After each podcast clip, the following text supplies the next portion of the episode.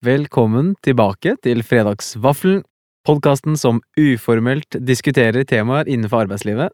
Mitt navn er Magnus, og jeg ønsker deg en god lytt.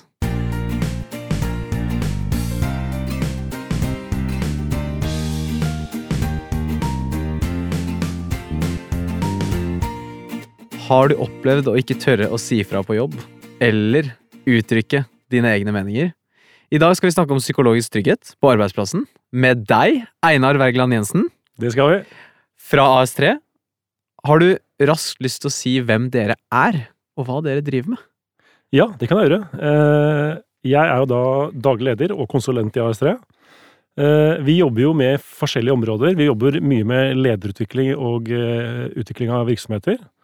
Vi jobber med karriereomstilling, karriereveiledning i forbindelse med omstillingsprosesser. Eh, Nedmanning, for eksempel. Og så jobber vi mye med arbeidsinkludering. Så det vil si at vi hjelper personer til å komme inn i arbeidsmarkedet, og hjelper personer slik at de ikke faller ut av arbeidsmarkedet. Så det er liksom kort fortalt hva ASD driver med. Eh, Og dagens tema er jo da knyttet til lederutvikling spesielt, kanskje. Ja, veldig bra. Ja, og det er jo primært det jeg selv jobber med som konsulent også. Ja. Jeg syns det var helt strålende, strålende intro. Mm. Og det dere driver med, og psykologisk trygghet, som selvfølgelig er en del av det, det er jo veldig i vinden nå for tiden. Så jeg gleder meg til en eh, spennende prat. Men før vi går mer i de inngående spørsmålene, så har vi i Fredagsvaffelen noe vi kaller for tre raske. Tre korte spørsmål. Og, eller to spørsmål og et dilemma, da, for å bli enda bedre kjent med deg, Einar. Er du klar? Jeg er klar. Ja. Fyr løs. Nummer én. Hva spiser du på vaffelen din? Jeg spiser ikke pølse, i hvert fall, sånn som de gjør i, i Østfold enkelte steder. Nei. Nei, det er vel stort sett uh, geitost det går i. Ja. ja. Ja. Det er favoritten også. Ja, notert. Notert. Um, nummer to. Hvis du kunne spist vaffel med hvilken som helst person, død eller levende, hvem ville det vært? Jeg tror jeg ville spist eh, vafler med eh, Putin. Jaså? I et forsøk på å finne ut av hvordan han tenker, Ja. og kanskje smette inn med en liten uh, utfordring. Okay. Jeg, jeg tror det er uh, første valget. Ja, hva ville utfordringen til Putin vært, da? Uh, først så ville jeg forsøkt å forstå hvordan han tenker om det som skjer i Ukraina for tiden. Mm. Uh, og så ville jeg kanskje utfordret han på om det finnes andre virkemidler for å oppnå det han ønsker, enn å ruste opp og skape en, en Og bygge opp til konflikt. Mm. Så det ville vært spennende å få muligheten til da, over en eh, bedre vaffel. Ja. Bra. Og til slutt, et dilemma. Ville du alltid vært litt for varm, eller litt for kald? Litt for kald. Hvorfor det? Erfaring tilsier at jeg tåler kulde bedre enn for, varm, for mye varme. Ja, ok. Ja, ja, ja, Jeg får klaus hvis jeg er i et land som er liksom over 30 grader. For du føler at du kan ikke dra noen steder? Nei, kroppen, min er ikke lag, kroppen min er ikke laget for uh, høy varme. Nei. Så bortsett fra i badstuen, da, da tåler jeg det, men da kan jeg hoppe ut i et is, isbad etterpå. Riktig. Det er bra du bor i Norge, da. Jeg tror jeg er laget for å bo i Norge. Ja, ja så, så bra. Det er fantastisk. Yes. Psykologisk trygghet. Einar Wergeland Jensen. Det er et relativt nytt begrep. Amy Edmundsen introduserte det helt på slutten av 1990-tallet, eller starten da, av 2000-tallet, og definerte det da som individets oppfattelse av konsekvensene av interpersonlig risiko på arbeidsplassen. Altså i hvilken grad du tør å uttrykke deg, eller si det du mener, og føle at du blir hørt, eller at det ikke endrer relasjoner, for eksempel, til det verre, da. Um, og vi kan minne litt om tillit. Hva er psykologisk trygghet versus tillit? Eh, hvis jeg skal si det kort, så kan jeg si at uh, psykologisk trygghet er ofte et, det er, det er et gruppefenomen. Det er noe som oppstår i grupper. Det kan være arbeidsteam eller andre grupper i arbeidslivet, men det kan også være i familier og andre typer grupper. Som handler om uh, nettopp det du sa, eh, hvorvidt en føler at man kan uttrykke seg fritt, uhemmet, uten at det er noen risiko inne i bildet, uten at det får konsekvenser for deg. Mm. Eh, tillit er knyttet mer opp til en persons eh, opplevelse av tillit til en annen person. For eksempel så kommer tillit til uttrykk ved at du tenker 'jeg er villig til å følge denne personen uten at jeg helt vet hvor det bærer hen. For jeg har grunnleggende tillit til personen. Så eh, ikke minst i ledelse så kommer jo tillit til uttrykk ved at vi er villige til å følge noen Mm. uten at vi helt ser konsekvensene selv, eller har hele overblikket selv. Mm. Mm. Så det er nok en forskjell. Og så er det faktisk eh, ikke slik at Amy Edmundsen eh, var den første til å lansere begrepet psykologisk trygghet. Nei, riktig. Helt tilbake til 1960-tallet så gjorde blant annet Edgar Schein dette. Mm. Eh, og de to kjenner hverandre ganske godt, så hun har nok eh, rappa litt av Schein. Ja. Men hun oppdaget jo på en litt spennende måte, da. Riktig.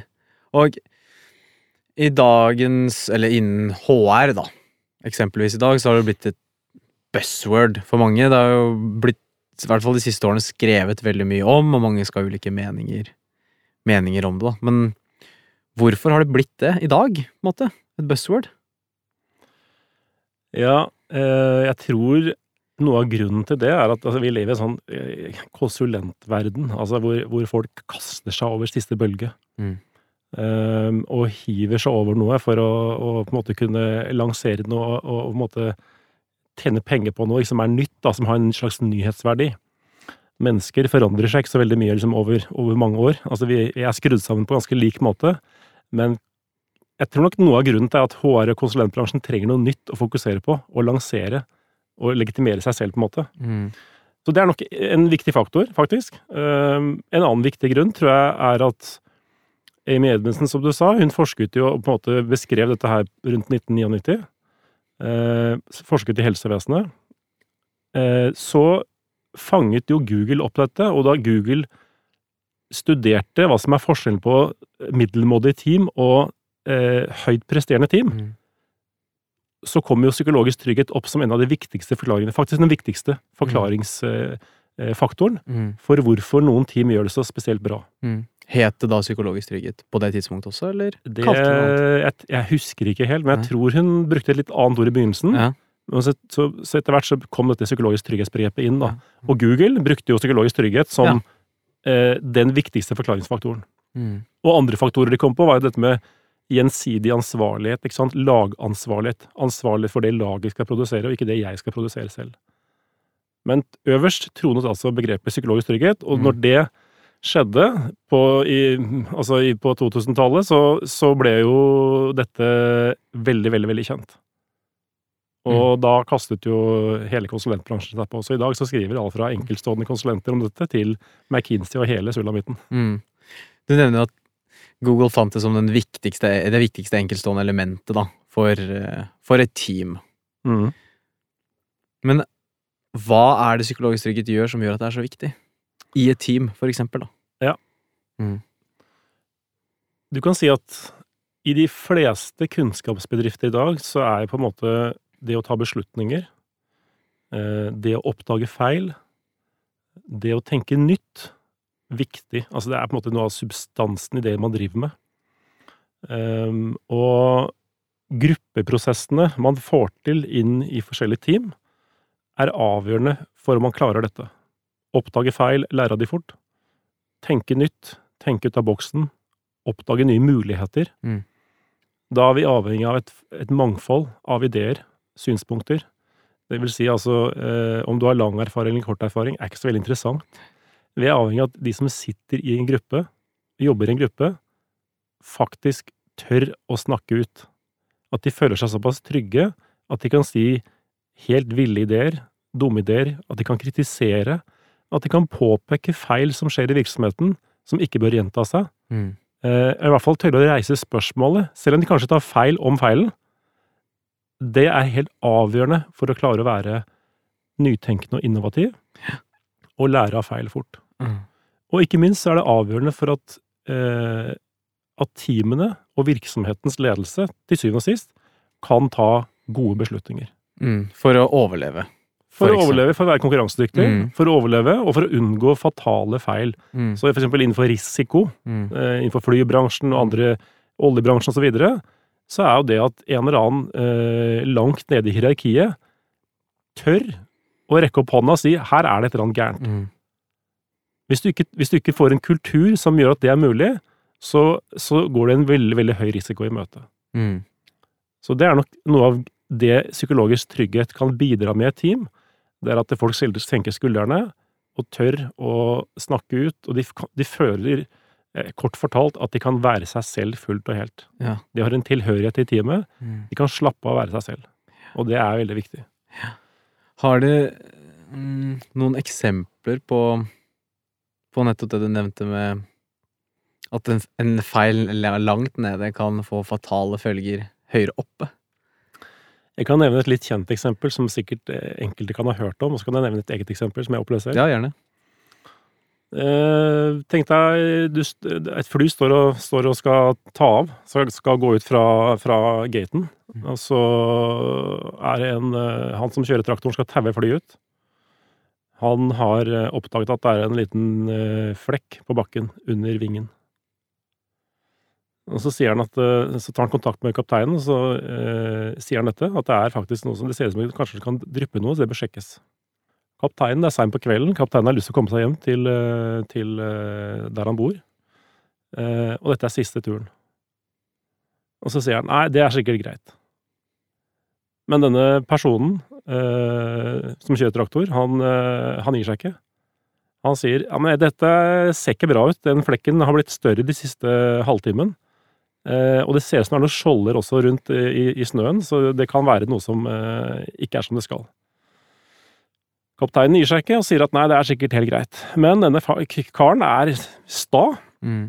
og i denne virksomheten så har de faktisk snakket om betydningen av å snakke ut og, og, og, og rope ut hvis det er et eller annet som er gærent. Og så får han kapteinen ut av flyet, de undersøker dette, og det viser seg at det er en feil. Mm. Og flyet tar ikke av. Det er et eksempel på at det er nok psykologisk trygghet på at en person tør å si fra, Mm. Um, og hvor viktig det er for en leder med, som er høyt oppe i, i statushierarkiet, å faktisk være ydmyk nok til å høre på en person som er mye lavere i hierarkiet. Mm. Og dette eksempelet er jo virkelig. Det er jo, jeg, jeg har stjålet det fra boka til Øyvind Kvalsnes om ytringsklima. Ja. Um, og er et veldig godt eksempel, for det sier så veldig tydelig hva det dreier seg om. At det handler om å tørre å snakke makta midt imot når det trengs. Mm. Og at de som sitter i maktposisjoner, faktisk må være ydmyke og ta seg bryet med å sjekke ut det de får av signaler på at noe er gærent. Ja. Mitt eget eksempel eksempel det Mhm. handler om eh, min periode. Jeg jobba jo ganske lenge i politiet. Ja. Eh, og jeg satt i, av og til i lange ledermøter, og jeg husker veldig godt da jeg var eh, ganske ny. Du vet, når du er ny i en virksomhet, så, så har du et eller annet ekstra blikk som de som har jobbet der veldig lenge, kanskje ikke har. Ehm, Det kan være ting som skjer som er feil, eller det kan være betraktninger rundt kulturen i virksomheten og, Mm. og den type ting. Mm. Og i de møtene jeg var med på, så var det ganske sånn ikke sant, Politiet den gangen, dette er ganske mange år siden, det har sikkert endret seg siden jeg var der. Men i politiet den gangen så var det jo faktisk slik at uh, sjefen, sjefens tanker og meninger ble lyttet ekstra godt til. Og jeg husker jeg var vitne til en diskusjon og hadde noen tanker om at uh, her må vi nok tenke litt annerledes. For jeg hadde vært ute og snakket med en del tjenestemann ute i, i, i felten, og, og, og, skjønte litt av hvordan de trodde, iallfall jeg skjønte nå, hvordan de fungerte, og hvorfor de ikke rapporterte uønskede hendelser. Mm. Og så er de i ferd med å ta en beslutning som jeg trodde var feil. Eh, og så rekker jeg opp hånda, og så utfordrer jeg. Jeg sitter altså Jeg tror jeg hadde jobbet der en eh, tre-fire uker. Og så gir jeg uttrykk for mine meninger, og det blir stille som i graven. Folk ser rundt seg, flakker med blikket, og ser på sjefen. Hvordan reagerer vedkommende? Altså, jeg følte at jeg hadde brutt kulturen. Det var skikkelig pinlig. Utrolig ubehagelig. Og hvis du skal sammenligne, så kan du prøve å gå i, på jobben med pysjamas. Omtrent sånn føltes det. At jeg kom helt fra Mars, Mm. og, og folk trodde ikke det var sant at jeg utfordret beslutningen. Mm. Og jeg kom fra en helt annen kultur. Et konsulentfirma som hadde ganske høy psykologisk trygghet, så der Mm. var vi vant til å snakke ut. Mm. Men her gjorde jeg absolutt noe, merket jeg fort, som ingen pleide å gjøre, nemlig utfordre sjefen. Ja. Så da lærte jeg jo egentlig i praksis, hvis jeg hadde tatt hensyn til den erfaringen, at det gjør jo ikke en gang til. Iallfall ikke uten ekstremt ubehag. Men ble det noen endringer da, etter du gjorde det? Jeg tror ikke jeg skal påberope at jeg endra kulturen i politiet, eh, men jeg tror jeg skal si det at eh, etter hvert som jeg ble tryggere på den lederen, og kjent med vedkommende, så forsto jeg at denne lederen faktisk satt pris på det. Ja. Men det var veldig mange tanker og myter rundt hva skjer hvis du utfordrer sjefen. Så det er ikke alltid slik at en leder ikke ønsker å bli utfordret, men vi tror av og til at en leder ikke ønsker å bli utfordret. Og det kan være noen eksempler, noen erfaringer, som på en måte gjør at dette ryktet går. Ergo så skapes det en psykologisk utrygghet uten at lederen selv egentlig ønsker det. Ja. Så rett og slett engstelse. Engstelse for Ja. karrieren sin. Ja. Og du vet, i politiet eh, så er det slik at hvis du gjør karriere i politiet, så er det i politiet du gjør den karrieren. Mm. Det er jo begrenset med jobber utenfor den etaten, for Mm. de som er utdannet i den etaten. Mm. Og det har nok også litt, eh, litt å si i forhold til eh, akkurat dette med psykologisk trygghet. Ja. Men for at da Det er jo skrevet veldig mye teori rundt dette begrepet, og punkter bedrifter kan iverksette, da, eller tiltak de kan iverksette for å etablere psykologisk trygghet. Men hvordan gjør man det egentlig? Altså, hvordan, hvordan etablerer man psykologisk trygghet? Det er et øh, Altså, du kan få et kort svar et langt svar, men jeg skal prøve å ta en, ta en mellomting. Men jeg tenker at ledere er veldig viktige Ja. rollemodeller når det gjelder å skape psykologisk trygghet. Mm. Det betyr ikke at ledere er de eneste ansvarlige, men la meg ta ledere først, da. Så tror jeg at det du kan gjøre som leder, det er at du kan du vet, Ledere blir av og til litt, litt blinde på seg selv. Altså, De har blindsoner. Altså, Vi tenker ofte om oss selv at ja, men det er jo bare meg som snakker. Eh, jeg er jo ikke farlig. Men mennesker i en organisasjon som ikke har dårlig kontakt med deg, som ikke kjenner deg, de kjenner deg i kraft av rollen din, Mm. og kanskje den maktposisjonen du har. Slik at eh, en leder som virker litt irritert kanskje en gang, eller en leder som eh, hever stemmen, eh, kan fort dempe de rundt seg. Så jeg tror at ledere, for å skape psykologisk trygghet, så må de gjøre det snakkbart. De må være tydelige på at de faktisk ønsker det. De må kanskje eksemplifisere det. Og så må vi huske på at et av de kraftigste virkemidlene vi har for å påvirke mennesker som ledere, er at du er en rollemodell. Mm. Det vil si at folk de hører på det du sier, men de hører mest på det du faktisk gjør. Mm. Det vil si at når du, når, hvis du da sitter i mitt team og utfordrer meg, Ja. så må jeg være tydelig på å takke deg for at du faktisk gjør det. Ja. Så punkt én, vi kan sørge for at vi snakker om at vi ønsker tilbakemeldinger og ønsker at folk rekker opp hånda og kan snakke. Mm. At vi ønsker at det ideelle er psykologisk trygghet. Mm. Punkt to, når vi får det, så må vi gjøre oss tilgjengelig for faktisk å gå inn i det og høre på det. Mm. Selv om du kanskje ikke har helt tid akkurat der og da. Og punkt tre, du må skape eh, rom og arenaer for at det er mulig å, å ta opp ting. Eh, så de tre tingene eh, tror jeg er viktige. Det, er sånne, det er sånne helt konkrete ting ledere kan gjøre Mm. og huske på. Og så må de ikke glemme at de er kanskje litt blinde på at de sitter i en maktposisjon overfor en del personer. Mm. Men hvor ofte skal en leder gjøre dette her, da? Eller gjøre folk oppmerksomme på de tre punktene, for eksempel? Eh, Er det hver dag, eller er det hver andre uke, eller? Jeg tror du skal øh, Hvis dette er et tema i din virksomhet, så tenker jeg sånn at øh, de tingene som går av seg selv, de trenger jo ikke så veldig mye oppmerksomhet. Men la oss si at du er en ny leder, og du tar over etter en annen leder som kanskje har vært ganske autoritær, og hvor det etter hvert da ikke har utviklet seg til å bli en god nok psykologisk trygghet. Så tror jeg jeg skal tenke på at da må du kanskje ha en slags lyskaster på det temaet en stund, Mm. til det begynner å sitte. Og det betyr at du må tenke på de møtene du er i. At du snakker om det der.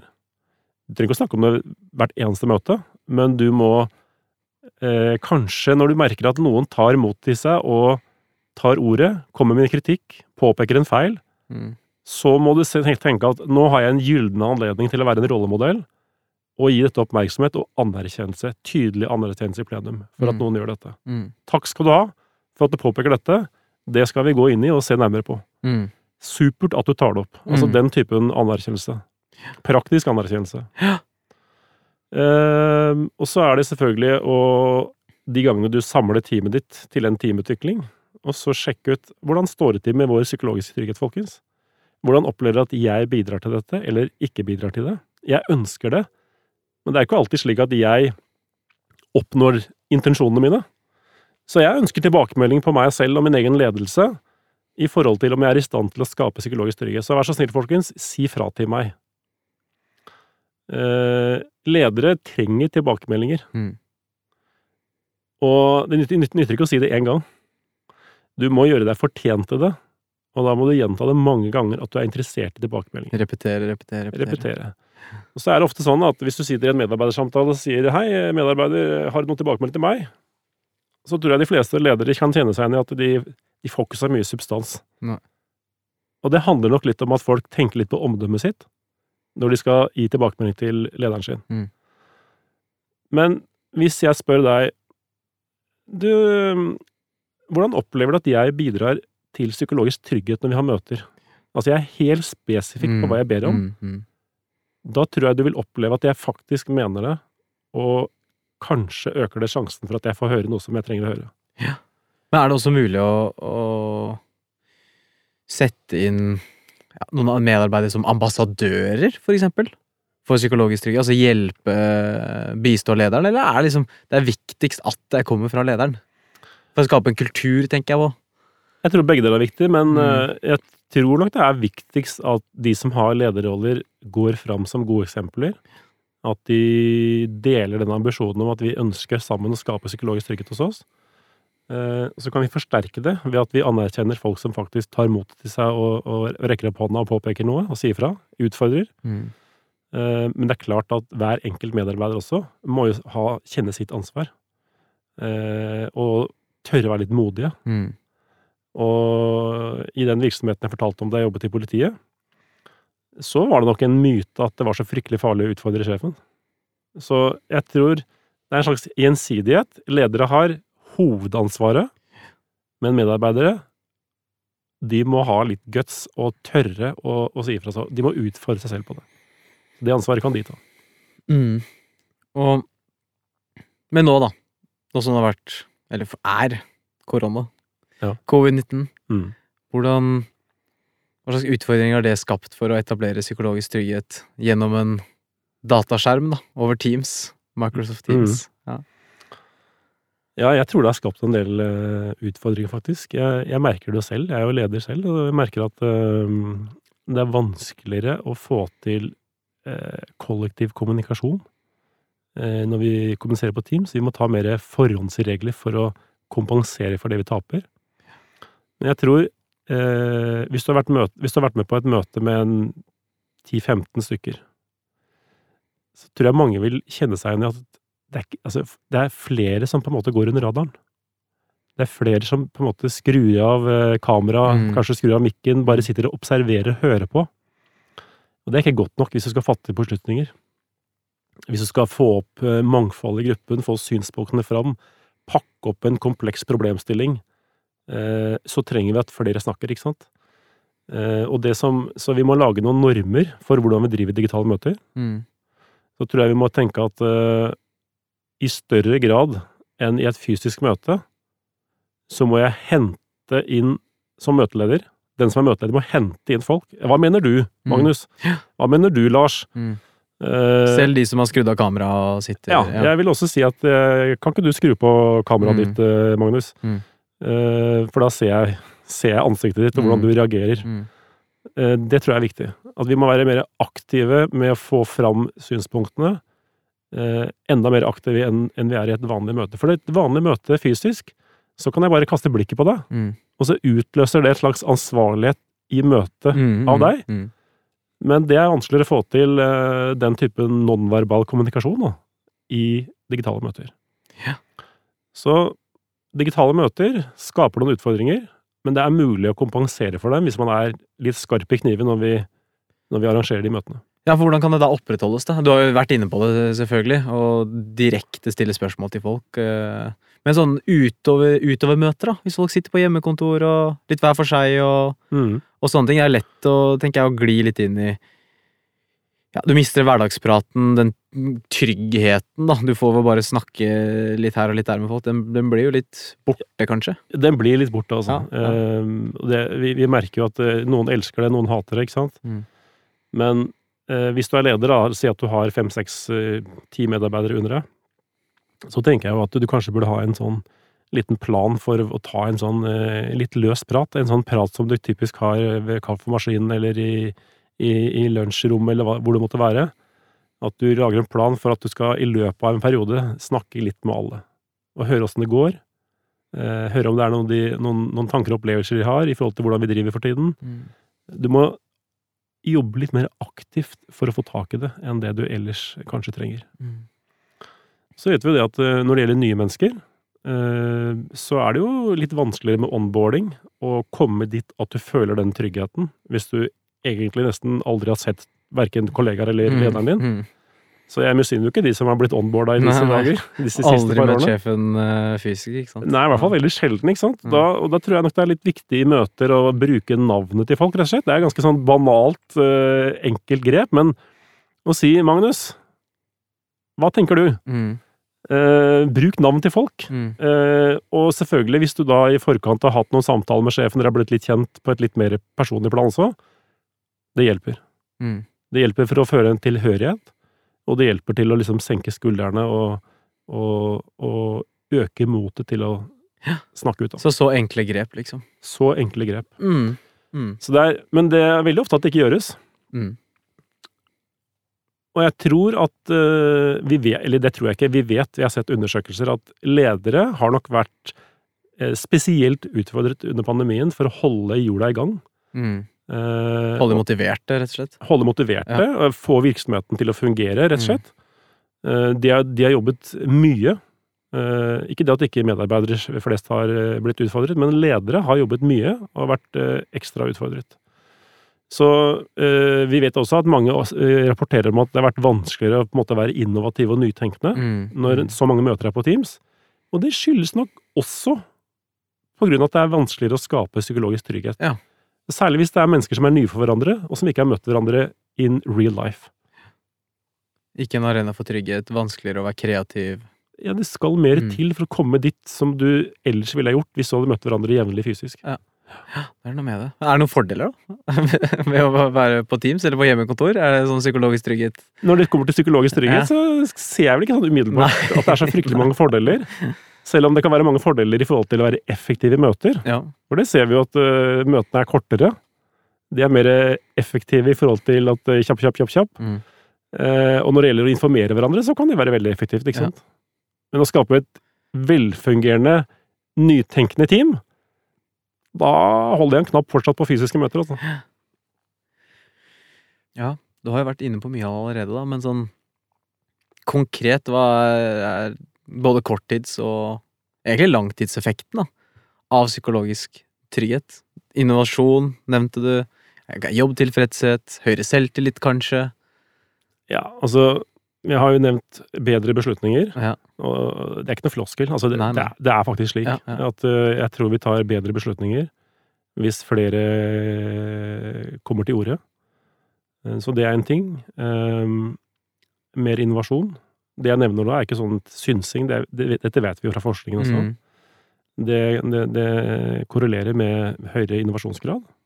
Eh, og ikke minst eh, opplevelse av å høre til i en gruppe eller en arbeidsplass, Mm. som er viktig. Mm. Eh, og så er det selvfølgelig eh, engasjement, som er flybensin til medarbeidere, ikke sant? Eh, at de er engasjert i det de driver med, og, og psykologisk trygghet. eh, hvis det er fravær av det, så henger det ofte sammen med lavere grad av engasjement også. Ja.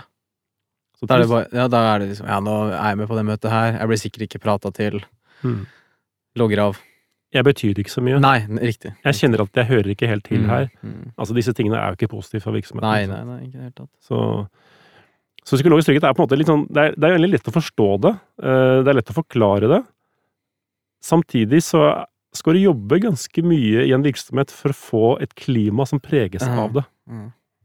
Du skal være veldig bevisst som leder, og så skal du ha litt guts som medarbeider også. Men hvorfor er det sånn? Hvorfor er det så, så på en måte åpenbart for mennesker, nå som, som vi sitter og prater om det her også, samtidig så vanskelig å Ja, det, det er et veldig interessant spørsmål. Jeg har tenkt mye på at jeg tror det henger sammen med hvordan organisasjoner har utviklet seg. Hvis vi skrur tida langt tilbake til, eh, til eh, Henry Ford og liksom Mm. scientific management, Mm, mm. så var det jo en ekstremt hierarkisk oppbygning Altså, du snakket ikke så veldig ofte med sjefen. De satt på egne kantiner og egne spiserom, og det var Det, var, det, det henger igjen lite grann. Hierarkiet, det å være en del av et hierarki, det preger oss. Mennesker som har makt over oss, der er vi litt mer taktiske og lure, og er litt mer opptatt av omdømmet vårt, fordi de kan ta avgjørelser som får betydning for oss. Mm. Og da blir det jo viktig at uh, man som leder er veldig oppmerksom på det, og forsøker å kompensere ved å tone det, den, den, den, litt dårlige påvirkningen da, som et hierarki kan ha på mennesker når det gjelder å slippe til tanker, ideer og, og kreftene i et team. Så det tror jeg er noe av forklaringen at det henger igjen, da. Og hvis vi skal bli litt mer dybdepsykologisk, så, så er det jo noen som sliter mer enn andre i forhold til autoritetspersoner, Ja. som vi også har med oss inn som personer i arbeidslivet, ikke sant? Ja. Så Kanskje noen syns det er vanskeligere å åpne seg, eller knytte seg til andre mennesker også, Det kan-. Det kan også være. eh, Så der er vi forskjellige. Men vi vet at det er fullt mulig å påvirke dette, men det er ikke gjort på 14 dager. Nei. Det er på en måte en, et fokus. Jeg, jeg sier at det trenger en lyskaster. Mm. Dersom det ikke er til stede i en virksomhet, så må du ha oppmerksomhet på det over en ganske lang tid, Mm. før du, før du, begynner å tro på at du faktisk mener det. Yeah. Og i dag så Når vi snakker ledelse i dag, så snakker vi om ledelse på en helt annen måte enn vi gjorde for eh, altså begynnelsen av 1900-tallet. Selvfølgelig. Eh, selv om noe av den hierarkiske ledelsestankegangen sitter nok i mer enn vi liker å tro. Mm. Men så er på en måte idealet litt mer sånn at det med ydmyk ledelse, at ledere skal stille spørsmål, være coachende og, og liksom eh, Altså man skal på en måte inngå i relasjoner som er mer liksom like, likestilte, nettopp for å få fram ideene. Mm. Så dette er jo ting som ledere av i dag trenger å tenke på og være oppmerksom på.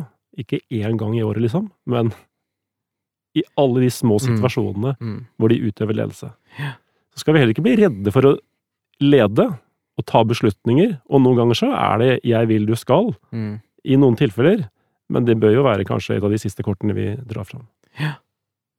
Sånn helt på tampen, eller avslutningsvis eh, her, eh, tenker du at det går an å ha for mye psykologisk trygghet? At det er noe negativt med en overflod? Ja, jeg gjør faktisk det, så Ja, det er et ja, ja, ja. interessant spørsmål. Ja. Jeg, jeg tror at øhm, vi skal ha fingeren på snøret, skal følge med, vi skal ha oppmerksomhet på det. Men vi kan ikke bare drive og snakke om det. Jeg, jeg, altså jeg hørte på en som snakket om dette fenomenet her for en stund tilbake, og psykologisk trygghet, og sa Mm. at det er det viktigste en leder gjør. Jeg vet ikke om det er helt enig, men det er, at det er veldig viktig. Absolutt. Mm. At det er det aller viktigste. Det er mye en leder skal gjøre som er viktig. Mm. Uh, dette er uh, absolutt viktig, men jeg tror, ikke sant Det er en balansegang mellom å ha et oppgavefokus i ledelse, et strategisk fokus, et oppgavefokus, det å ha fokus på framdrift, og det å ha fokus på menneskene og hvordan de har det. Mm. Relasjonene. Og disse henger sammen, de tingene. Mm. Og det er jo det å ha en balansegang og reflektere over den balansegangen, ikke sant. Mm. Vi ser for eksempel at i bedrifter hvor det er høy psykologisk trygghet, så er det ofte lettere også å gjennomføre endringsprosesser. Men det betyr ikke at det er noe mindre motstand. Nei. Ehm, men, men eh, det er lettere å få greie på motstanden, fordi folk tør å uttrykke den. Mm. Mm. Ikke sant? Og er, men kan du også gjøre noe med det hvis du er en leder som har blikket på dette. Og en av de største misforståelsene mellom psykologisk trygghet og Eller i forhold til å forstå begrepet, det er jo at det er, på en måte jobbtrygghet, eller at det alltid er hyggelig på jobben, eller ikke sant, behagelig, for det er, det er nesten tvert om. Mm. Altså, psykologisk trygghet betyr at vi tør å gå inn i konflikter, Mm. Kontroverser, Mm. dyrke fram uenigheter, og allikevel håndtere de, fordi vi er trygge nok til å tørre å gjøre det. Riktig. Så det er det å tørre å ta det som er ubehagelig, fremfor å ja, bare skli med det trygge, da. Ja, som Ja. konsulent så er jeg ofte med ledergrupper, ikke sant? Og da merker jeg jo det at eh, et av de vanligste eh, forsvarsmekanismene mellom mennesker i en gruppe er at de ler bort viktige og vanskelige ting. Mm. De ler, eller vente med til neste møte, det får vi og skyve på. Eh, Men i en gruppe som har høy psykologisk trygghet, så er ofte motet høyere til å gå inn i det jeg kaller ubehagssonen. Der hvor uenigheten er, Mm. der hvor det er kanskje størst mulighet til nytenkning, eh, og ikke minst få fram alle sider ved sakskompleksitet, og komme fram til gode beslutninger. Mm. Så det å tørre å gå inn i ubehagssonen er en viktig gruppeferdighet da. Ja. i beslutningsgrupper. Mm.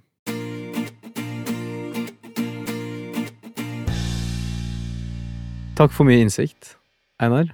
Helt til slutt så kunne jeg gjerne tenkt meg å høre om du har opplevd en personlig suksesscase fra en kunde, for eksempel, hvor eh, du eller dere har etablert psykologisk trygghet, og det fortsatt er sånn i organisasjonen, eh, og hva som er gjort da, for at det skal opprettholdes over tid. Dette er jo et tema som vi jobber med i leder, lederutvikling. Ja, ja. Når vi jobber med lederutvikling eh, med en kunde, så er vi en samarbeidspartner som er med å dytte dem litt i riktig retning. Så jeg, jeg skal liksom ikke påberope på at det var jeg som gjorde Nei, nei, nei, nei. Så enkelt er det ikke. Eh, men, men at vi har bidratt til at ledere har høyere oppmerksomhet på dette, og hvordan de i praksis kan jobbe med det. Mm. Um, jeg er jo veileder for mange ledere, Mm. og coacher dem. Mm. Og et team jeg jobbet med for, noen, for et par år tilbake, der hadde lederen en Skal vi si eh, Altså, lederen på en måte framsto som litt skummel for sine teammedlemmer. Dette var en ledergruppe. Mm. Det vil si at hvis du da rakk opp hånda og utfordret, så kjente du det, altså. Eh, vedkommende kunne bli irritert, sint, eh, ja, til og med hudfløtt til folk i plenum, osv. videre Mm. Gjennom god veiledning, så tror jeg at, eh, den, at det bidro til at vedkommende blir mye mer bevisst hvordan vedkommende framsto. Eh, fikk innsikt i blindsonen sin, fordi det var egentlig bare gode intensjoner.